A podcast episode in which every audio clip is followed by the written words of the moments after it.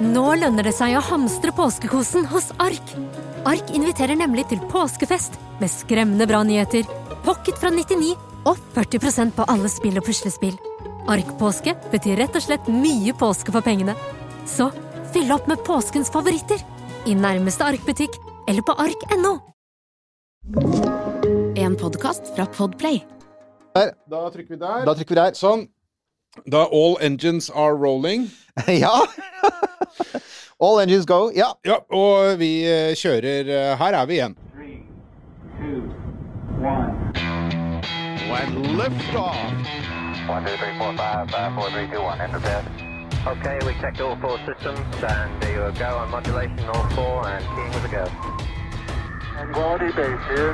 The Eagle has landed. Denne gangen, kjære lytter, så skal vi starte en reise. Dette er en historietime, så her gjelder det å ta notater underveis. Her er det ting som jeg syns er fascinerende. For det første, det som er fascinerende med dette her, er at vi skal til en romfartspioner.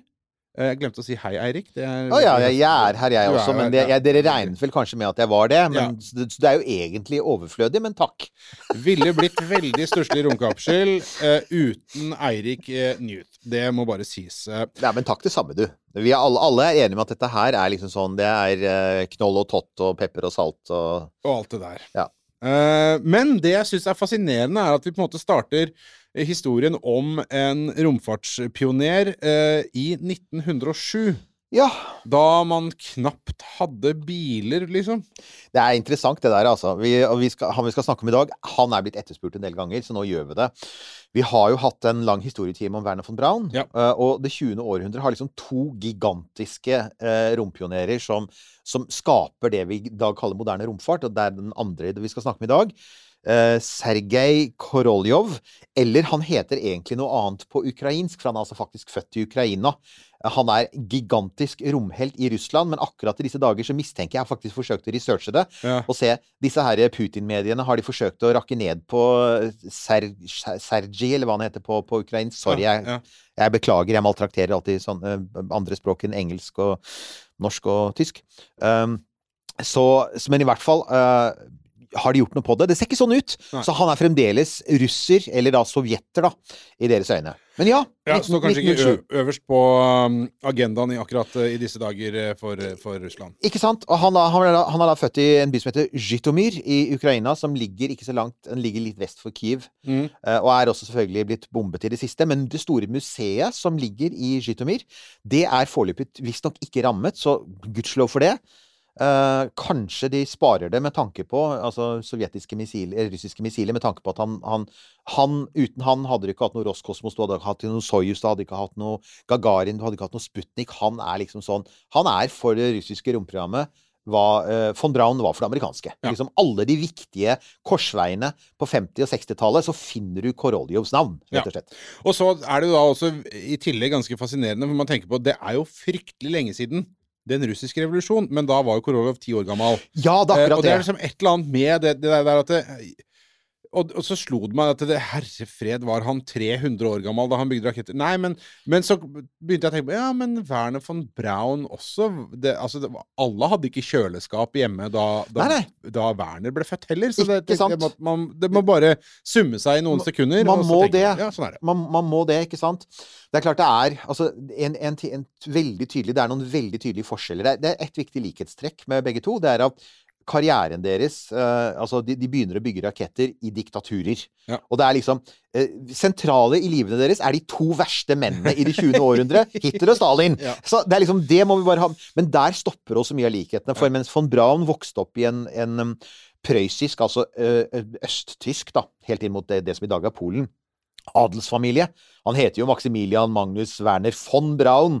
Eh, så er, eh, er um, eh, Koroljov. Altså, Koroljov. Han har en, en veldig vanlig oppvekst. Foreldrene hans har ikke noe spesielt gode jobber.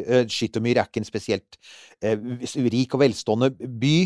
Og ikke minst, som du sier, når han er ti år gammel, så bryter kaos løs i livet hans. fordi at er- vi er ikke klar over det i dag. Vi tenker å, den russiske revolusjonen, ja, så noen tok makten i Moskva. Nei, det ble jo borgerkrig. Krigen raste jo årevis. Den var vel ikke over før i 1922-23.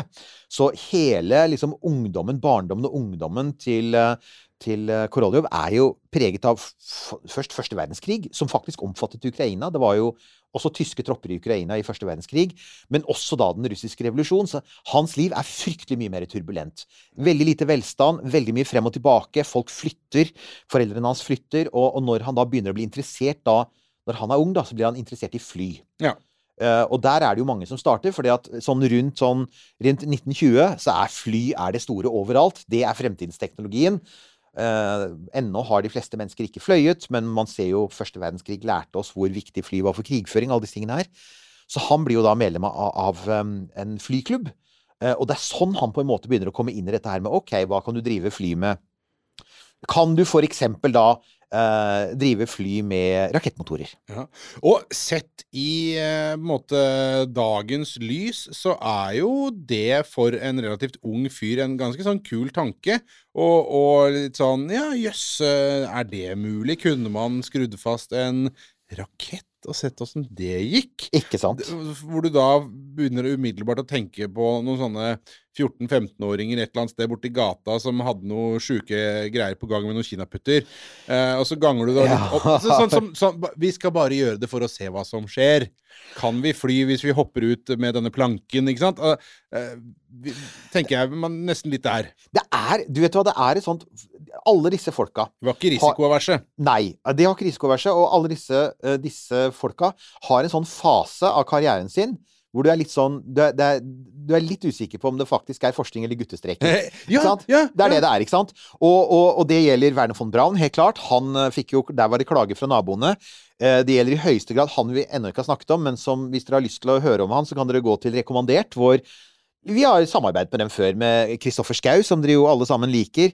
Eh, Jeg var gjest hos han nylig og snakket om Jack Parsons, denne fantastiske, rare amerikanske rakettpioneren. Han startet sin karriere på samme tid. Vi snakker om 1910-1920-tallet. Smelleting i gata, naboene klager, ikke sant? Og, og der er også Koroljov. Bygger glidefly, fester ting på det. Og så kommer han da eh, så, han, så får han en veileder, og denne veilederen er det de av dere som er litt sånn flynerder, har hørt navnet. Han heter Andrej Tupolev. Ja. Og Tupolev, altså veldig mange russiske den dag i dag, masse russiske fly som heter Tupolev. Tupolev Designbyrå er fremdeles, eller var i hvert fall veldig lenge, sånn, blant de ledende i verden. Altså, mange av de fremste flydesignene på kloden kom fra, fra Tupolev.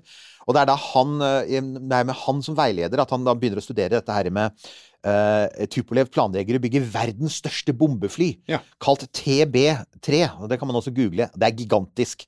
Eh, og det ser jo ut som det er snekra sammen i låven til noen feil. altså, det er ikke Jo, men, men vet du hva?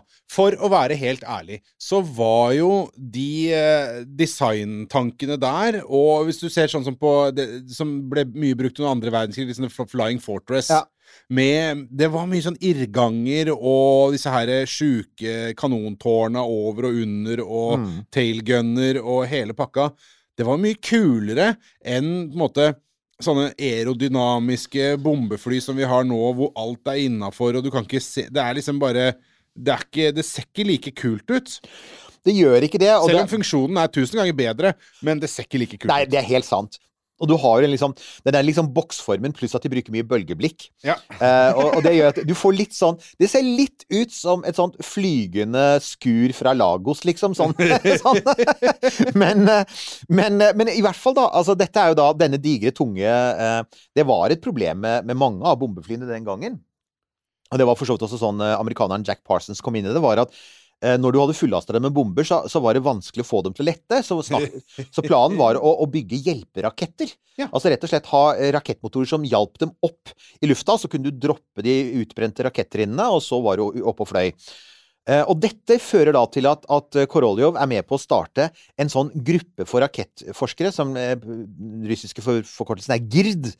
Um, og igjen, det lyder velkjent, for det er jo det Werner von Braun Han er på det tidspunktet medlem av en gruppe av eh, amatører og rakettforskere som driver og sender opp raketter fra sentrum av Berlin. Raketen flu- flog plass Berlin. Gå tilbake til den sendingen. Det er altså litt en interessant parallellgreie. På samme tidspunkt i Moskva Ja. så er man i gang med å gjøre det samme.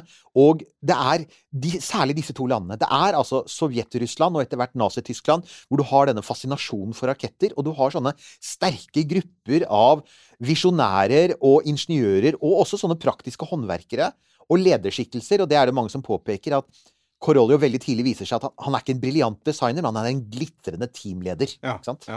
Men det, vet du hva? Jeg må bare si det at jeg, jeg fikk en sånn der eh, tanke i hodet nå. Det er veldig fascinerende hvordan sånne strømninger, om du vil, da, Ja. oppstår um, på forskjellige steder i uh, verden samtidig. Eller Ja. ganske samtidig. Jeg hørte nylig en, uh, en podkast hvor de gikk gjennom eh, punken. Altså musikken, punkens historie, og, og, og fremveksten av punken. og Stuff You Should Know. Å ja, det, det, er ikke, det er ikke No Dogs in Space, for den har jeg fått anbefalt. Ja, ikke No Dogs in Space. Okay. Det var det en annen Jeg husker det var en som sa det her. Ja ja, det er, for jeg, den er også anbefalt. men- der, men- der har dere anbefalingen, folkens. men der, eh, der snakker de om hvordan sant, man har eh, New York og, og London, Manchester, som, Ja. som arnested for, for, eh, for punken.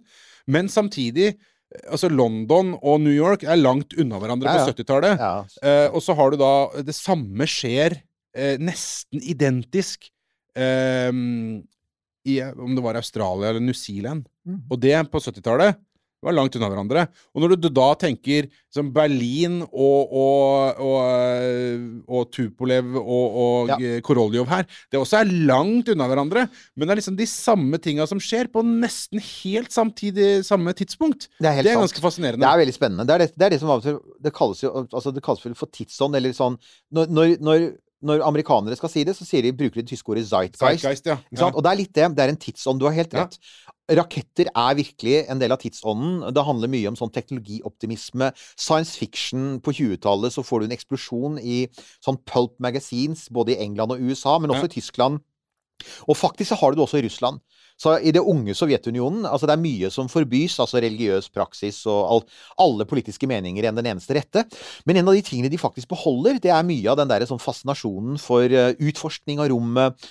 Eh, så, så på den tiden så lager altså eh, i, I 1923, er det vel, så lages jo faktisk en sovjetisk science fiction-film som heter Aelita, og den ligger faktisk på YouTube. Eh, som handler om at eh, en russisk rakettforsker bygger en rakett, eh, drar til Mars og lager selvfølgelig eh, Arbeiderne på Mars gjør revolusjon. Kommunisme på Mars! Ja. Men, men det fascinerende er jo at dette landet, som da nettopp er ferdig med en borgerkrig, og landet er i praksis i ruiner. Det er jo det. Først første verdenskrig, så revolusjonen, så mange år med borgerkrig. Eh, og det er sult og fattigdom, og likevel så tar de seg altså råd til å, å lage science fiction-filmer. Så det er noe med tidsånden og Eskapisme, vet du. Det er eskapisme, men det er også med hvorfor i all verden er det da ikke bare et konvensjonelt romantisk drama, men faktisk science fiction? Der har du tidsånden. Ja. Det er noe ja, der. ja. Og det er jo den han blir fanget av. Og det som da, så det de sier, er at imot, han, det som skiller han fra en del av de andre, er at han startet ikke med å lese science fiction, som f.eks. von Braun og Jack Parsons gjorde. Han starter faktisk med å være interessert i fly. Ja. Og så er det da Tupolev som sier 'har du sett på raketter?' Og så Ja. blir han mer og mer fascinert av raketter. Og han blir jo etter hvert en så dreven prosjektleder i denne GRID-gruppa Ja. eh, at det oppstår, oppstår intriger, det oppstår maktkamp, og mot slutten av 30-tallet så er Sovjetunionen det perfekte stedet hvis du har en sjef du ikke liker. Ja. Så skal du bare gå til din Hviske lokale noen i øret et eller annet, ja. din lokale angiver, som kan være naboen din i den store kollektive leiligheten i Moskva. De hadde disse her svære leilighetene som hadde liksom ett kjøkken og én do, hvor alle delte felles fasiliteter, og hvor det alltid var minst én angiver. Ja. Og du kunne alltid bare gå til han eller henne, og så løp de rett til NKVD, som da KGB het den gangen. Og så kommer det noen menn på døra og bare haler deg av gårde, og det var det som skjedde i 1938. Ja. Så blir altså faktisk Koroljov nærmest Og, og, og det, alt tyder på at det var ut av det blå for han. For han var ikke egentlig opptatt av politikk. Han er opptatt av å bygge raketter.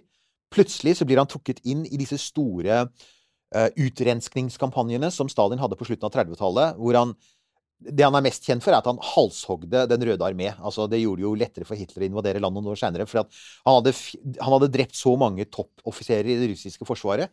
Men han gjorde jo det med alle. Han gjorde det med forskere, han gjorde det med intellektuelle, med leger. Altså, øh, han, han gikk etter alle som han trodde kunne være en trussel. Og alt folk trengte for å bli kvitt noen de syntes var brysomme, var bare å si 'han har sagt noe negativt'. Og, og en av de tingene som det da var eh, som de anklaget han for, var Han ble anklaget for å ha senket, senket forskningen med vilje, altså forsinket den. Ja, ja, ja. Altså, altså, vi har sagt, vi sier det i hver sending, 'Space is hard', folkens. Koroljov opplevde at 'Space is hard' ble brukt mot han, er poenget. ikke sant? Ja, Det er vanskelig å bygge raketter. Ja. Ah! Det er, du er egentlig en um, vestlig Du, overløper, ja, du. du jobber ikke hardt nok. Eh, riktig nok, revisjonist. Ikke sant? Ikke sant? Ja, nei, ja, det er klart, da blir det jo ekstra vanskelig, da. Ja, og, og, Photo og, Ikke sant? Og han var jo ikke aleine, for det var mange ledende russiske rakettforskere. Og, og saken er på dette tidspunktet altså Jeg skal ikke si at de er helt i kapp med, te, med det som skjer på Penemynde. Fordi uh, altså von Braun er allerede altså De har allerede kommet veldig langt med raketter. Men at de mister mye av det Altså at de, at de blir hengende enda lenger etter i kappløpet, det er det ingen tvil om. Mm. Så der, der, du ser det samme skje der som du ser på, på, på punkt etter punkt i sovjetisk luftfart, eh, panservern, alle disse tingene som de hadde trengt noen år etterpå, når Hitler angrep dem. Så ble de altså hengende mer etter fordi at så mange smarte folk ble Ja. Ja, da kunne jo være litt sånn fascinerende i dagens Zeitgeist å trekke noen paralleller til det som skjer, og se hvordan det samme nesten skjer. Ikke kanskje av de samme grunnene, men altså av eh, det skjer igjen. At eh, den, den russiske militærmakten ikke var så eh, imponerende som eh, mange kanskje hadde trodd. Eh, Ikke sant? Eh, og, eh, altså, og dette får jo betydning seinere, som vi kommer tilbake til. Det, det, dessverre så får det liksom ringvirkninger Mm, seinere ja. i livet hans. Fordi at en av dem som anklaget ham, var en som het Glushko. Eh, og Glushko var en annen veldig dyktig rakett... Han var en dyktig, dyktig rakettdesigner som antagelig ble tvunget til å angi han, for det var jo noe av systemet. Altså, du arresterte en masse folk, og så sier du bare Vel, hvis du tyster på han ja. For Det er egentlig han vi er ute etter, vi er ikke ute etter deg. Men hvis du tyster på han, og hvis du da får vite at uh, hvis du ikke tyster, så havner du i Gulag, og familien din blir sendt til Gulag, og der dør du, så vil de, de fleste mennesker vil ende opp med Og det var jo sånn dessverre Sovjetunionen fungerte, var at folk anklaget hverandre for alt mulig rart for å slippe å bli utsatt for eh, NKVDs terror. Så han ble Så det som skjedde, skjedde var jo altså at han ble ikke bare arrestert, han ble torturert. Brutalt torturert, visstnok, og, og skadet for livet av torturen. Og så ble, ble han sendt til en eh, slaveleir i Sibir. Eh, dette Gulag-systemet, som var eh, gigantisk. Over hele Sovjetunionen fantes disse slaveleirene. Han skal ha vært slaveleir i en gullgruve i mange Altså, han var der ikke i så mange måneder, men arbeidet var så hardt at han altså mistet alle tennene sine pga. skjørbuk, altså han, eh, feilernæring. Og han fikk hjerteproblemer som antagelig eh, tok livet av han etter hvert. Ja. Eh, men saken er at fordi han var De visste jo hele tiden at han var en utrolig dyktig eh, designer av våpen. Det var på vei mot krig, så det var sånn Det er mulig Et eller annet sted i systemet så var det noen som sa det er mulig at akkurat denne fyren bør vi kanskje ikke skyte. Så han kan bli nyttig for oss. Så han begynner å sende brev til Stalin eh, og brev til myndighet, andre myndigheter og sier men, men ærlig talt, jeg kan hjelpe Sovjetunionen. Hvis det kommer krig, så er jeg nyttig. ikke sant? Og han er da en av ytterst få som opplever å bli hørt. De fleste ble sendt til Sibir og kom aldri hjem. Han blir sendt til Sibir og opplever noe så unikt som å bli hentet tilbake igjen. Han fikk en ny rettssak, og her blir han da dømt til åtte års spesialfengsel. Og dette fengselet var i praksis Det var et forskningslaboratorium med gitter foran vinduene. Ja. Men Som så mange andre forskere og vitenskapsmenn innenfor diverse felter har arbeidet i. Det, nemlig det akkurat det. Altså, det er faktisk ikke helt altså, I diktaturer så var ikke det helt ukjent at man kunne ta smarte folk til fange i praksis. Og, og la dem jobbe som, eh, i dette tilfellet, da fremdeles slavearbeidere. Men det er klart, fordi du, du trengte Altså fordi du var forsker, så trengte du å samarbeide. Du kunne ikke jobbe isolat, du hadde kolleger. Du fikk litt bedre mat. uh, enn du selvfølgelig fikk i, i gullgruvene i Sibir. Uh, du fikk litt bedre helsestell. Så han kommer på en måte Han kommer jo gjennom krigen, da. På den måten. Han overlever krigen ved at han er eh, Han, han jobber da blant annet med å utvikle igjen stridsraketter. En av Ja. de tingene som og, og her er jo en av de tingene der det er tyskerne og russerne som ender opp med å bruke mye raketter som våpen under krigen. Tyskerne har V2.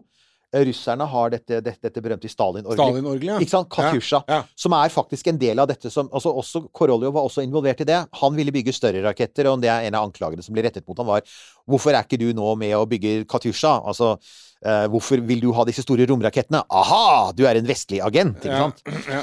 Så, eh, så ja, eh, han eh, han, eh, han han er da involvert i det. Så, så går krigen mot slutten, og russerne er, i likhet med amerikanerne og britene, veldig klar over at det har foregått ting på Penemynde. ja. Og det er blant annet fordi at eh, etter hvert som Penemynde ble bombet, så, så flyttet man jo testområdet til Polen. Så tyskerne begynte å skyte raketter østover, for å si det sånn. Eh, og ga jo blanke om dette traff noen polske gårder. De brydde seg jo ingenting om polakker. Men det det førte til, var jo at rakettdeler også begynte å lande i Polen. Og der Mm. tok den polske, polske partisaner hentet jo disse rakettdelene. De fleste av dem havnet i, havnet i Vesten, men også russerne ble klar over at det foregikk ting. Så eh, det er en del av strategien til sovjeterne, er jo å, å sende tropper langs Østersjøkysten, bl.a. for å komme seg til Penemynde før Vesten. Det lykkes de jo med, og en av de som sendes til Penemynde, er faktisk altså Sergej Koroljov. Oh. Så han er på Penemynde, han. Oh. Våren 1945. I september 1945. ja. Så kommer han da krigen over. eh, og da er han, sendes han rundt på turné, den store raketturneen i Øst, det som da blir Øst-Tyskland. De er på Penemynde, konstaterer at uh, Werner og vennene hans har for lengst dukket. Ja, for han, ja, nettopp for det. Selvfølgelig. Han var der for å liksom researche og finne ut hva er det som er verdt å ta med seg videre. Hva kan vi bruke her? Ja. Er det noen folk her som er interessante? Og det de oppdaget, var jo Ja. at amerikanerne i all hovedsak hadde tatt med seg alt som var verdt å ta med. Werner von Braun og hans team hadde, og de, alle de Windersen hadde vært ute, liksom. Ikke sant? Nemlig. ikke sant? Eh, Operation Paperclip. Amerikanerne hadde eh, Werner von Braun hadde reist, reist til Bayern sammen med alle toppfolka. Overgitt seg til amerikanerne. Fortalt amerikanerne hvor de kunne finne hele ferdige V2-raketter i, i tunnelene i, i Mikkelverket i midt i Tyskland. Eh, det fantes ikke lenger noe av særlig verdi på Penemynde. Der var det stort sett bare sprengte deler. Eh, så det russerne fant, var veldig lite. Så, så reiste de rundt i Øst-Tyskland og fant til slutt folk som hadde vært med på, særlig på produksjon av V2. Mm. Ikke så veldig mye forskere. De hadde jo stort sett kommet seg unna. Eh, så de fant, de, de fikk det, de fant som liksom noen hundre tyskere som hadde vært involvert. Du, Ja. litt sånn interessant eh, Tenk deg hvor annerledes ting hadde sett ut da hvis eh, sovjeterne hadde fått tak i eh, von Braun.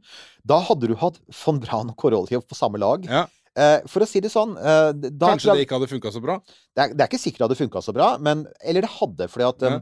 Von Braun var altså, han, han, er, han var veldig opptatt av å liksom snakke om sine sånn demokratiske credentials. Han jobbet veldig godt med diktatorer. Det Ja, Det var vi. ikke så nøye for han hva som skjedde Nei. bak eller nedi gangene der. Nei, han kalte jo det tyske nazistiske militæret for melkekua av en grunn. Ja. For å si det sånn. Ja. Så, eh, så eh, det, det det er innmari interessant du sier det. For det er klart at eh, hadde det skjedd, så hadde det utvilsomt vært eh, russere på månen først. Det, det er ikke noe Ikke tvil om. Ja, nei, Men ja, altså, så det russerne gjør, er at de samler opp det som er igjen av V2-prosjektet. Det som amerikanerne ikke allerede har tatt. Det er litt sånn smuler fra de rike spor. De sender det til Russland. eh, og i 1947 så, så klarer, eh, klarer de Det tar såpass lang tid. Altså, Amerikanerne begynner å sende opp raketter i 1945, for de har hele V2, så de kan begynne å sende dem opp med en gang. Ja. Russerne må bygge den møysommelig fra scratch, med, fra de delene de har funnet. Og da får de den første V2-kopien, som heter R1. Og, og her er, kommer vi da til et sånn viktig poeng i romhistorien, som er dette med sånn På 50-tallet så pleide amerikanerne, etter Sputnik, så pleide amerikanerne å si Ah, yeah, they got better Germans than we had. Ikke sant? Ja. Og jeg ser fremdeles faktisk, det er fremdeles noen nordmenn som sier det, og det er vel fordi at den myten også er blitt spredd i Norge. Men det er altså en myte. Det er ingen tvil om at amerikanerne hadde de beste tyskerne. så, så altså, de hadde tyskere, og de, de hadde hjelp av V2. Men eh, ganske tidlig, mye tidligere enn i USA, så faser de ut tyskerne. Nei, bare det som, det som slår meg som uhyre fascinerende her, da, er at da, du kan nesten si, eller nesten, man kan jo faktisk si at hele den moderne eh, romfarten, altså hele romfarten, er jo basert på V2-raketten Ja. og Werner von Braun, så det er jo han som er, eh, er romfartens gud, Han er- skaper. på, på, det er en grunn til at vi ofte nevner han, for vi, som, vi hadde, som vi snakket om da vi nevnte det kinesiske romprogrammet. Også det kinesiske romprogrammet starter jo med R1, Ja, altså ja. russernes V2-kopi. Så- Så, alle de tre ledende romprogrammene på kloden starter i praksis med, med V2. Med terrorraketten som rammet, Ja. Lon øh, rammet Storbritannia og London. ikke sant? Det er Ikke helt sant? utrolig fascinerende. Altså det, så det de gjør, det er at selvfølgelig de gir jo da russerne også en boost. Altså de kommer kort, fortere i gang.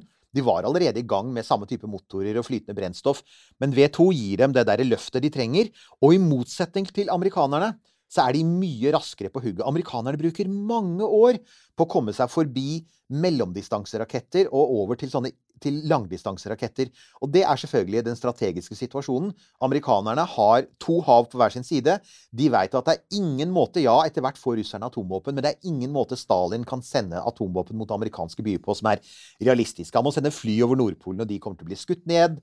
Eh, amerikanerne føler seg trygge, og dessuten de har masse baser i Nato. Ja? Så de kan nå Sovjetunionen med atombombefly og kortdistanseraketter relativt lett. Sovjeterne er i motsatt situasjon. USA, hovedfienden, er langt unna. Eh, Det fins ingen enkel måte. Det fins ingen fly som egentlig kan nå dem trygt. Og den sikreste måten å gjøre det på, er å bygge en rakett som kan ta av fra, fra, fra sovjetisk territorium og fly hele veien. Og det er en interkontinental ballistisk rakett. Og det er grunnen til at russerne først går i gang med det, og så er de første som bygger det første sånn ICBM, Intercontinental Ballistic Missile, er jo nettopp fordi det er fordi at den strategiske situasjonen Sovjeterne føler at OK, hva hjelper det om vi har atomvåpen, når, når USA via sine baser i Nato-land kan bombe oss mye lettere enn vi kan bombe dem?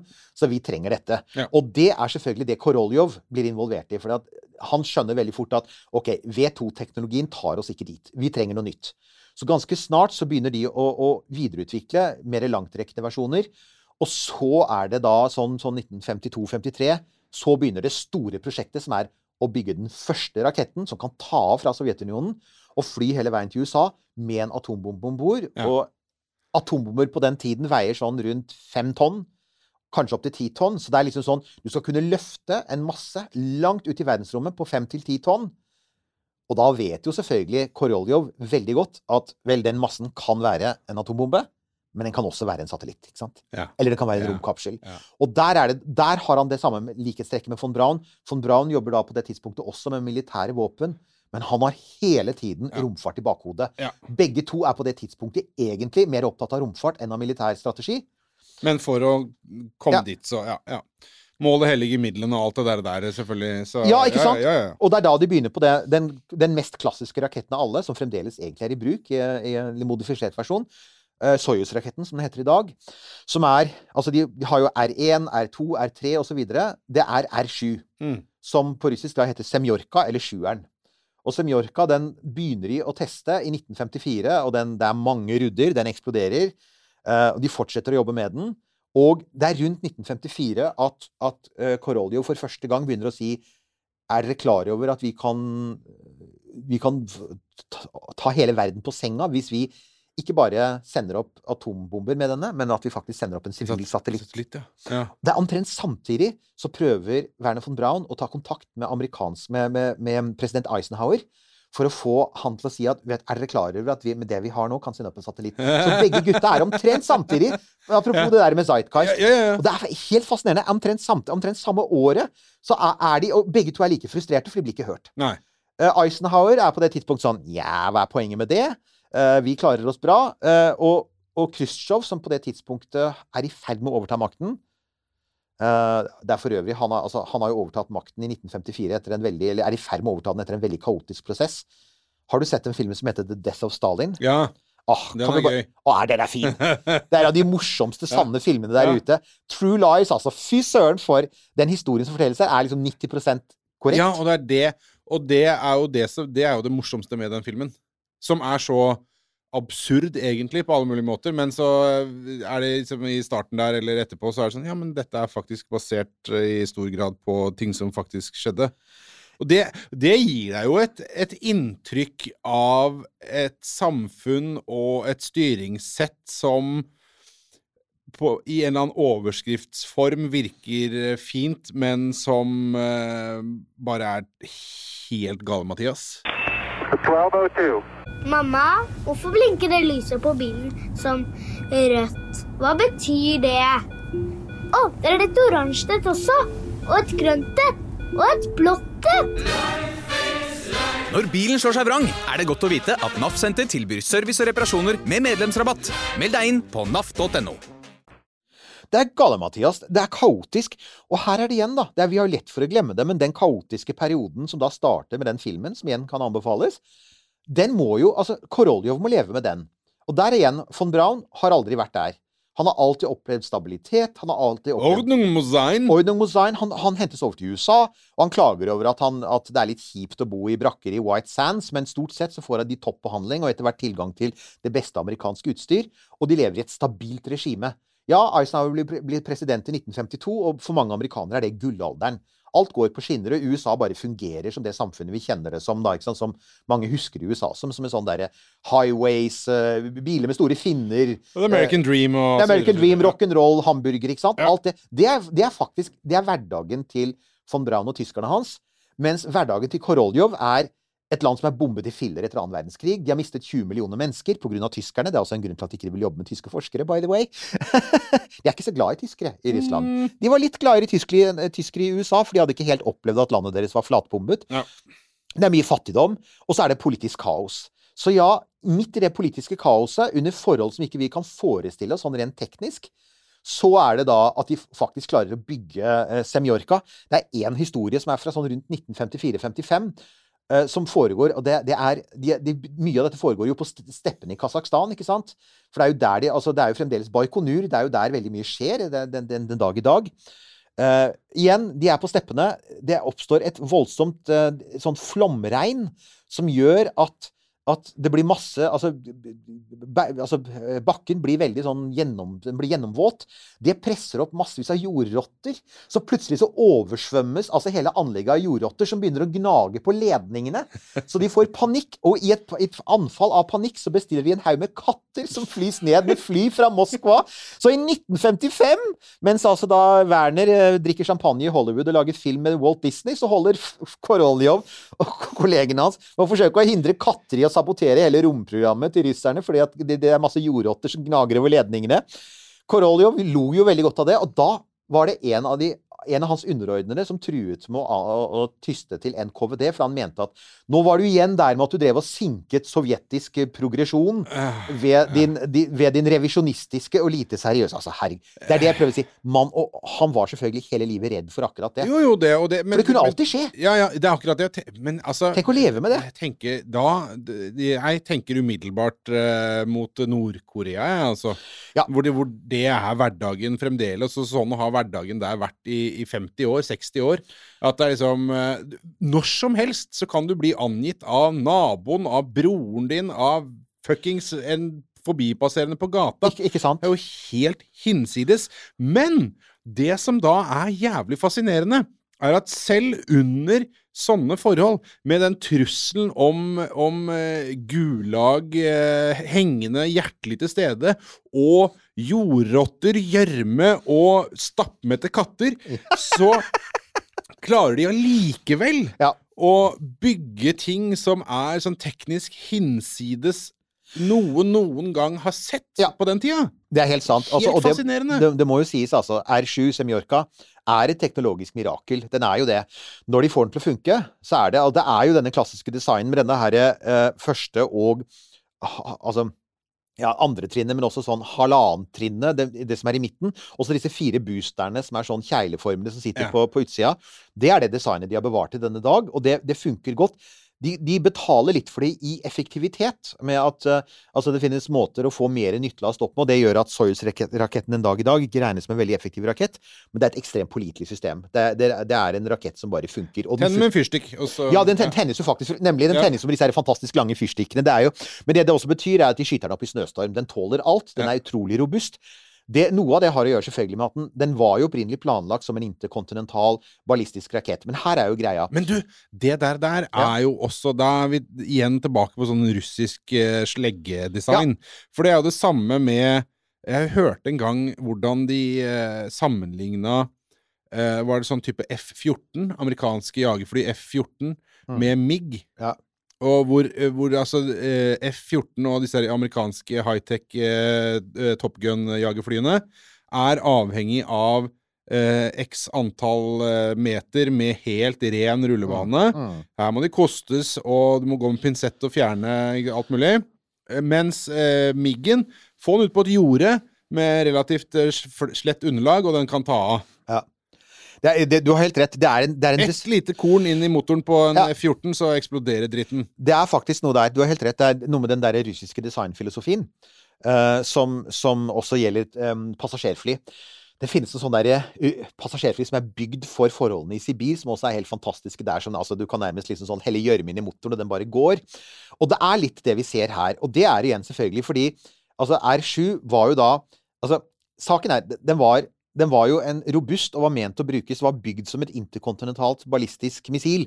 Men Koroljov visste egentlig fra starten at det aldri kom til å være et veldig bra, bra ballistisk, en bra ballistisk rakett, fordi den var, den var jo drevet med flytende oksygen og parafin.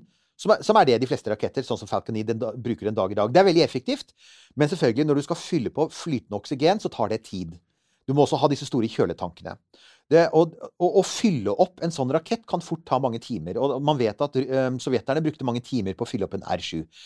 Vel, altså en mellomdistanserakett fra Tyrkia kunne jo nå Baikonur i løpet av fem minutter, ikke sant? Så med andre ord, hvis du, en, hvis du skal unngå at fienden slår deg ut i et første slag, så kan du ikke ha en rakett som står åpent, nakent på en åpen slette og fylles opp i to timer. Du kan ikke det. Og dette vet jo egentlig Koroljov. Han er klar over at den egentlig er mye bedre egnet til sivilt formål enn militært. Den kan gjøre jobben. Og under Cuba-krisen noen år seinere så var jo R7 regnet som en av de rakettene russerne hadde. Men jeg vet også at amerikanerne på det tidspunktet var klar over at den kunne de antagelig ta ut før den rakk å fyre seg mot USA. Så det er da han begynner å få en del fiender i systemet som sier Ikke rart at han nesten ble angitt, da. Nei, det er nemlig det. Han begynner å få en del fiender i systemet som da sier ja, men ærlig talt, uh, unnskyld, men nå har du brukt utrolig mange millioner rubler på å bygge en rakett som egentlig ikke er veldig Den kan ikke plasseres i en silo. Den, den, den må stå Den tar lang tid å forberede. Den er ganske ineffektiv til formålet sitt. Hvorfor i all verden har ikke du bygd en rakett med brennstoff som kan lagres ved romtemperatur? Eller en faststoffmotor, som etter hvert er det også både russerne og amerikanerne ender opp med. Men, men, men saken er, her kommer da det sovjetiske systemet inn, på samme måte som Von Braun på 40-tallet snakker direkte med lederne i diktaturet. Han snakker direkte med Albert Speer, rustningsministeren. Han treffer jo Hitler ved flere anledninger og overbeviser Hitler om V2. Så er det her altså da eh, Koroljov kan bruke sine kontakter inn i kommunistpartiet. Han snakker direkte med Khrusjtsjov. Og Khrusjtsjov, som da er blitt leder i Sovjetunionen han, Først er han veldig skeptisk og lurer på hva poenget er med å sende opp en sivil satellitt. Så er det da Koroljov uh, Han inviterer jo hele sentralkomiteen i det sovjetiske kommunistpartiet, de som styrer landet, ned til Baikonur. Og i, i, i, i denne Det fins en sånn veldig bra romhistorie som ligger ute på nettet, som heter 'Challenge to Apollo', skrevet av en amerikansk romhistoriker som heter uh, uh, Asif Sadiki. Han, han skildrer dette. Han sier at her kommer altså Eh, sentralkomiteen i det sovjetiske kommunistpartiet er menn som er født stort sett på samme tid som Koroljov, eller tidligere. Ja. De er altså født i det gamle Russland. Tsarens Russland. De er stort sett menn fra bygdene. Det er stort sett menn med lav utdanning. Det er For å si det sånn, de skjønner ikke denne maskinen. Nei. Og han, han, han, beskriver sånn hvordan liksom disse her partilederne går rundt og nærmest sånn nærmest sånn, sånn, slikker på altså, Og banker på liksom, og, og biter litt. Disse der, den mystiske maskinen som står der, ikke sant? som er laget av lett metall og er full av elektronikk. ikke sant? Ja, ja. Og, og, spranget fra disse herre bøndene som, som, nærmest via revolusjonen ble til ledere for verdens nest største supermakt, og som plutselig står foran dette her teknologiske miraklet og faktisk ikke skjønner det. Ja. Så jobben til Koroljov er å overbevise eh, Khrusjtsjov om at vet du, det vil være av enorm verdi for Sovjetunionen å være først med en satellitt i rommet. Og så sier da Khrusjtsjov sier OK, da. Altså, hvis dere klarer å få denne her til å fly, så dere skal få en, et, et, forsøk.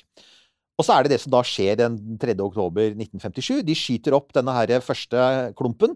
De hadde jo opprinnelig planlagt å skyte opp en skikkelig satellitt med massevis av instrumenter om bord. Men det fikk de ikke tid til, for det kom for fort på, og de visste at amerikanerne jobbet med det. Så derfor skjøt, de opp en, en, en, kule på 90 kilo med en radiosender i praksis som bare sier beep, beep. Og så er det jo Khrusjtsjov da ser Himmel for et, altså for et propagandakupp. Ja. Altså, amerikanerne blir tatt på senga. Sant? Amerikanske aviser snakker plutselig om Er dere klar over at det flyr en, en, en rød satellitt over, over, USA, og folk går ut om natten for å se den fly over? Og, og, så amerikanerne blir både imponert og skremt. Og dette elsker jo selvfølgelig uh, Dette elsker Khrusjtsjov. Ja, selvfølgelig. Ja. Det er klart det. Men da igjen, da. Så da kommer vi tilbake til, uh, som jeg har sagt mange ganger før, at uh, store deler av dette her er jo bare en sånn pissekonkurranse. Ja. Hvem, hvem, kan komme, hvem, er, hvem er først, hvem er størst, hvem er lengst? Ikke sant. Og, og det ser du veldig tydelig med det neste som skjer, for det er jo da da får, har jo Khrusjtsjov fått blod på tann. Og, og, da har man allerede, så har jo også Koroljov vært ute og sagt at det vi egentlig burde gjøre ganske fort, det var å sende opp et, et dyr i rommet, en hund f.eks. Nå hadde man jo allerede sendt opp eh, dyr med V2, så, så det, var, det, var, ikke første gang man hadde sendt opp noe i rommet. Ja, ja. Eh, allerede rundt 1950 så drev jo amerikanerne og sendte opp små dyr, litt insekter og litt sånne ting, med V2. Å, Så, så, men, men her ville man sende opp noe stort, noe spektakulært. En hund. Eh, og da kommer vi da til Laika, selvfølgelig. Ja. Og Laika blir jo faktisk sendt opp med Sputnik 2 før amerikanerne sender opp sin første satellitt.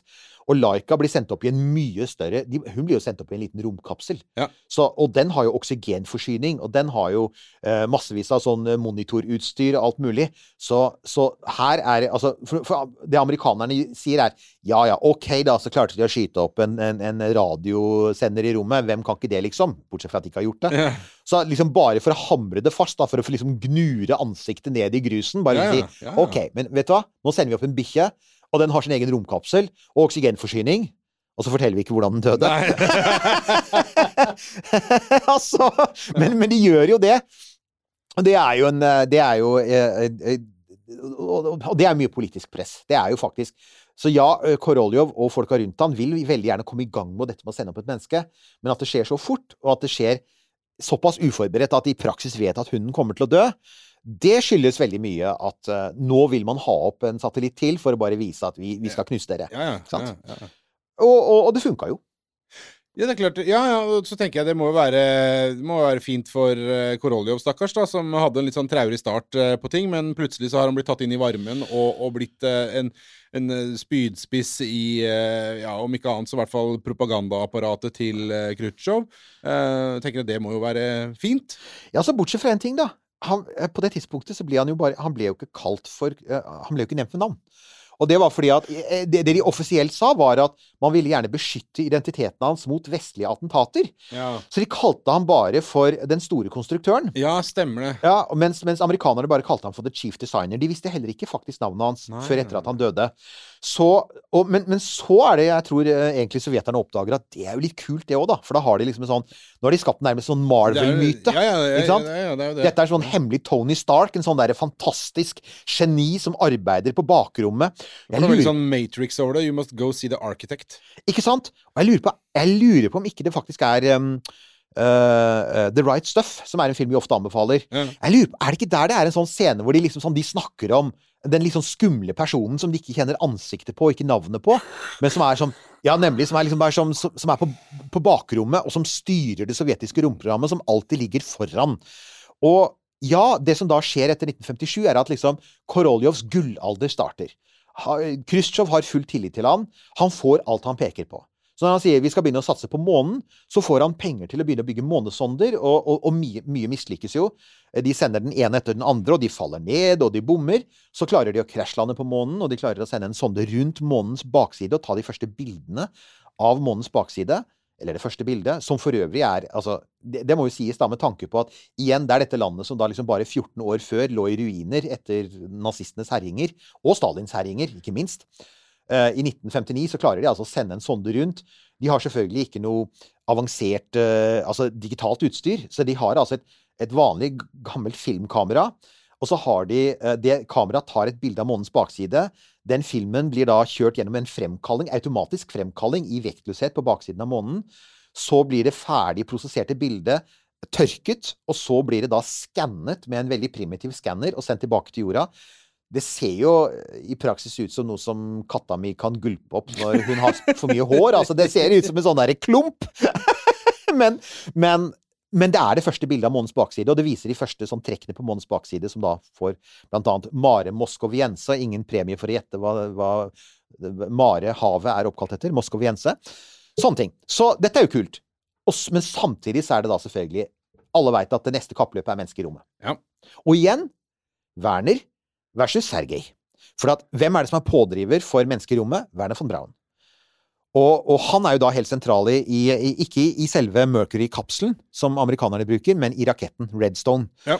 Men han, han er også den som til sjuende og sist er den som avgjør om det er trygt å sende opp folk i rommet. Så, så eh, det, Vi har jo snakket om det før, dette her punktet våren 1961, hvor eh, sovjeterne har holdt på i årevis. Koroljov har fått viljen sin. Han har fått en modifisert spionsatellitt som het Zenit, og så bruker han den runde kula som Zenit-satellitten brukte til å lagre film i. Den bruker han da til han sier den kan fungere som en romkapsel for et menneske. Eh, Så da, dette er Vostok-kapselen. Han har kontroll på det. De har R7-raketten, som, gjør- som Jorka. Eh, men samtidig så har amerikanerne liksom Alan Shepherd står klar til å skytes opp, og det er liksom der hvor Det er denne, denne, denne feiltesten i januar 1961 med sjimpansen Ham som går helt galt, og, og Werner von Braun sier 'sorry, men vi må vente', vi må faktisk Ja. gjøre én test til. Ja. Og det er da Ja. Og det som da skjer på motsatt side Altså, amerikanerne er frustrerte. Og som Alan Shepherd sier, der mista jeg sjansen min. For at de vet at på det tidspunktet så er han der hemmelige chief designer, som ikke de kan navnet på, han er veldig klar over hva amerikanerne gjør, fordi at alt står i avisa. mens, mens amerikanere veit jo ikke hva sovjeterne For gjør. der står det ingenting i avisa. For der står det ingenting i avisa. Ikke sant? Så, så, så de er fullstendig klar over um, uh, De er fullstendig klar over at uh, det er et vindu. Ja. Og at hvis, hvis de venter for lenge, så vil Alan Shepherd skytes opp, og det vil antagelig lykkes, for at de er jo altså eh, Koroljov har etter sigende full respekt for hva eh, von Braun gjør. Han er veldig klar over at de er en dyktig designer der. Så det er da de tar sjansen, da. For sant å si, så har de jo altså eh, De har jo ikke bare hatt gode resultater med Vostok-kapselen. Altså, det har vært mye feil der òg. Altså, vi hadde jo en sending om Uh, mulige døde sovjetiske kosmonauter. Det er nok ikke riktig, men det har jo vært konspirasjoner rundt det. Men at det var mange mislykte ferder, og at, at de sleit med å få det til å funke. Og at det er ekstremt risikabelt, det som skjer 12.4.1961, når de sender opp Gagarin. Det er det ikke noe tvil om. Jo, ja, og det, det er klart Det er det jo, som vi også har sagt eh, tidligere, da, så er jo et eller annet Fordelen som sovjeterne her har, er jo at de trenger jo ikke å forholde seg til noe opinion. Nei. De kan jo gjøre som de vil, og om det da Gagarin hadde bare forsvunnet i en eh, ball av ild, så hadde jo det bare vært en fotnote. Ja. Det hadde jo Ingen hadde brydd seg om det. Eh, opinionen i eh, Sovjetunionen som Altså, det var jo ikke et ord engang. Det var Nei. jo ikke et tema. Ikke Så hadde ikke det hatt noe å si. Men hvis Alan Shepherd hadde eh, lidd samme skjebne, så hadde jo det vært eh, et, et helvete for von Braun og, og NASA. Helt sant. Og det var en asymmetri der som, som var som, Og det er som vi har sagt før også, skal du få noe gjort effektivt, så må du være i et diktatur. Ja, det er det grunnleggende paradokset som romfarten viser. Altså, det er ingen annen teknologi som viser det bedre enn romfarten. For den har vært så veldig avhengig av diktaturer, ikke sant? diktatorer, enten det er Hitler, Stalin eller Mao, for å, for å komme videre. Uh, helt sant. Og det, det er liksom noe som det er det som av og til kalles for, for, kalles for etisk gjeld eller etisk bagasje. Altså at dette er en teknologi som har en forhistorie som, som dessverre man av og til må, må ha i bakhodet. Og i dette tilfellet er det ingen tvil om at ikke minst eh, sovjeterne tok store sjanser med folks liv. Det gikk bra. altså Det, det er ikke det. Det, det, det, det Ja, det gikk bra, men det kunne like gjerne gått ordentlig til helvete. det, men- kunne- men- og- kunne gått veldig, veldig dårlig. Og det jeg vil, jeg vil kanskje anta at uh, diskusjonene rundt akkurat det ikke var så intense. Ikke sant? Det er helt sant. Og så er det jo da Så er det jo da De lykkes igjen med et propagandakupp. Khrusjtsjov er helt uh, i himmelen. Det er selvfølgelig også Koroljov. Dette er på en måte Dette er toppen av hans karriere. Så er det det skjer, et- det, det skjer noe i USA. som snur det hele rundt, og hvor det begynner å gå nedover for Koroljov. Mens for Werner von Braun så er det eh, toppen på hans karriere. Da er det han virkelig tar av. Og det er at Kennedy holder denne talen til. Kongressen og sier 'vi skal til månen'. Og, og Koroljov skjønner umiddelbart hva dette betyr. Han, Fra starten av så tror han at amerikanerne mener alvor. Det tror ikke Khrusjtsjov. Oh. Khrusjtsjov er på dette tidspunktet Husk på, eh, eh, Kennedy har bare sittet som president noen måneder. Khrusjtsjov har null respekt for Kennedy. Jeg leste en bok om det første møtet mellom Kennedy og Khrusjtsjov sommeren 1961. Khrusjtsjov er så nedlatende. Han behandler ja. Kennedy som et lite barn. Ja. Han er sånn totalt klapper han på hodet. Det er grunnen til Cuba-krisen. Han tror jo ikke at Kennedy kommer til å gjøre noe når de sender atomvåpen til Cuba. Han har ingen respekt for Hva da, fordi Kennedy framstår som så mild og, og på en måte Ja, også, lite hard type, da? Ja, ikke sant? Og at han, han, han, han er en kjekkas. Ja. Han er ung, selvfølgelig. Ja. Eh, man glemmer jo at mannen er krigsveteran. Han hadde jo faktisk han hadde jo nesten dødd i Stillehavet. Og, og det er ingen grunn til å tro noe annet enn at han var en fighter. Men, men, men sovjeterne undervurderte han. De undervurderte han i Berlin. De undervurderte han helt klart på Cuba. Og de første årene så undervurderer de hele måneprogrammet. Ja. Så de tror at Kennedy ikke mener alvor. De sier at nei, dette er et propagandastunt. Koroljov sier folkens, vi har noen måneplaner. Jeg har faktisk en rakett, sier han. Den som da, N1. Den har ligget på tegnebrett noen år, for at i likhet med von Braun så hadde han holdt på med måneplaner lenge. Ja. Så alt tilbake på 50-tallet så begynte også sovjeterne og, og, og, og Koroljov begynte å, å jobbe med måneplaner. Og så, så han kommer da til, kommer til Khrusjtsjov, så sier han Vi til månen. Uh, det Khrusjtsjov sier, og, og det, det er jo Og led, ledelsen sier, er det er både at ikke de tar Kennedy på alvor, og så er det en ting til, og det er at de er veldig klar over at de har i praksis ingen virkelig godt fungerende interkontinentale ballistiske raketter. R7 Semjorka er ikke noen god atomrakett. De trenger noen som er det. Og Sovjetunionen har mye mindre penger enn USA. Ja. De er rett og slett et fattigere land fordi de er, det er et ineffektivt kommunistisk land, og fordi de er ødelagt av krigen. Så de har mye mindre penger. De har heller aldri fått noe Marshall-hjelp, som resten av Europa fikk. Eller resten av Vest-Europa. Så, så de må de må su på labben der Ja, er amerikanerne slett, altså. Nemlig. I USA så gjør de begge deler. De Ja. sier ja takk, begge deler. De begynner med et sivilt eh, romprogram under NASA. Og de har en massiv satsing på militære raketter og interkontinentale raketter og ubåtbaserte raketter. Sovjeterne må i en annen grad velge. Så det kommer en fase der eh, de fortsetter å skyte opp romkapsler, og de skyter opp eh, eh, Valentina Tereshkova, den første kvinnen. Det er mer sånn stuntpreget. Den første romvandringen. Men programmet deres står i stampe fram 1961, 62, 63. Da er von Braun og teamet hans i full gang med Saturn 5. De er, og, og andre er i full gang med månelandingsfartøyet og bedrifter, og de bygger eh, kommandoseksjonen. Så den prosessen er i gang, mens det står litt i stampe i Sovjetunionen. Og da begynner også gamle konkurrenter å dukke opp. Og da er det annet denne Valentin Glushko, som han het. Han som hadde angitt ham tilbake på ja, ja, 30-tallet. ja, ja. Han dukker opp, og han blir da en av de førende i utviklingen av militære raketter. Eh, og, og så plutselig kommer det opp en tredje mann som het eh, eh, Vladimir Sholomei. Og han har da, og alle tre har etter hvert sine egne forslag til måneraketter, for så skjønner de at det er alvor. Ja. Så midt på 1960-tallet så har Sovjetunionen, som har en brøkdel av budsjettet, har plutselig tre forskjellige designkonsepter for en Ja, månerakett. Og, og, og, og fremdeles så har for så vidt den som har liksom sånn momentumet her, er, er Koroljov, fordi at han fremdeles er den største av dem. Ja. Og så kommer da det som katastrofen for han og for det russiske måneprogrammet. Og det er at i 1966 så dør han plutselig. Under en rutineoperasjon. Ja, det er jo klart eh, litt skjebnesvangert. Det er litt skjebnesvangert. Det er mange som mener for øvrig Han er jo ikke gammel på det tidspunktet. Han er 59, så jeg er bare sånn øh, Som 57-åring. Eh, ikke sant? Vi får alltid den der sånn litt ugne følelsen. Men så er det, for å si Du, Eirik, jeg kan berolige deg med det Ja. at eh, nå som du har fått varig opphold, Ja. og her i landet, så, så, Så går det bra? Så vil jeg anta at det går bra. Og hvis, okay. du, hvis du må gjennomføre et lite inngrep, så eh, skal du inn i det norske helsesystemet og helsevesenet, som er, er litt annerledes Ja. enn det sovjetiske helsetilbudet eh, på av, eller på, på starten av 60-tallet. Helt sant. av 60-tallet. Så, så eh, det er andre ting du kan bruke mer energi på å Ikke være sant? bekymra for. Det har jo vært veldig mye altså Som alltid med sovjetisk romfart, så har det alltid vært masse konspirasjoner da, Ja. om hva det er som skjer. Uh, altså han, eh, Dette var en rutineoperasjon i januar 1966. Uh, og først så trodde man at, um, at det var en hemoroideoperasjon, og så er det da en kirurg i Moskva som, som, som, som da går inn bakfra og ser, og oppdager Og at jeg det er går inn bakfra en hemoroideoperasjon. Jeg vil jo anta at jeg håper at de ikke går inn forfra Nemlig, det er nemlig det. La oss håpe at de var på det nivået her. Ja, ja. og så da oppdager at det er noe mer der nede. Han ser tegn til kreft, og så begynner han å, å prøve å operere det, og så dør, eh, dør Koroljov. Men det man i ettertid tenker, er at det, det mest sannsynlige er at han ikke tålte operasjonen fordi han var så skadd fra opphold i fangeleiren. Han, Ja. hadde, han hadde hatt et hjerteinfarkt før. Han, han hadde rett og slett elendig helse fordi at han hadde vært i, i Stalins fangeleire. Eh, og med andre ord så er det altså Stalin og, det sovjetiske systemet som på en måte straffer seg selv ved at de da dreper et av sine største talenter ved, ved den måten de blir behandlet på. Det som er det Altså Etter at han dør, da, så blir, han jo, så blir navnet hans kjent i Sovjetunionen, og han får jo da en sånn heltebegravelse. Det er da han får den helte, heltestatusen. Eh, det interessante er jo da at, at det russiske måneprogrammet det fortsetter jo, denne N1-raketten.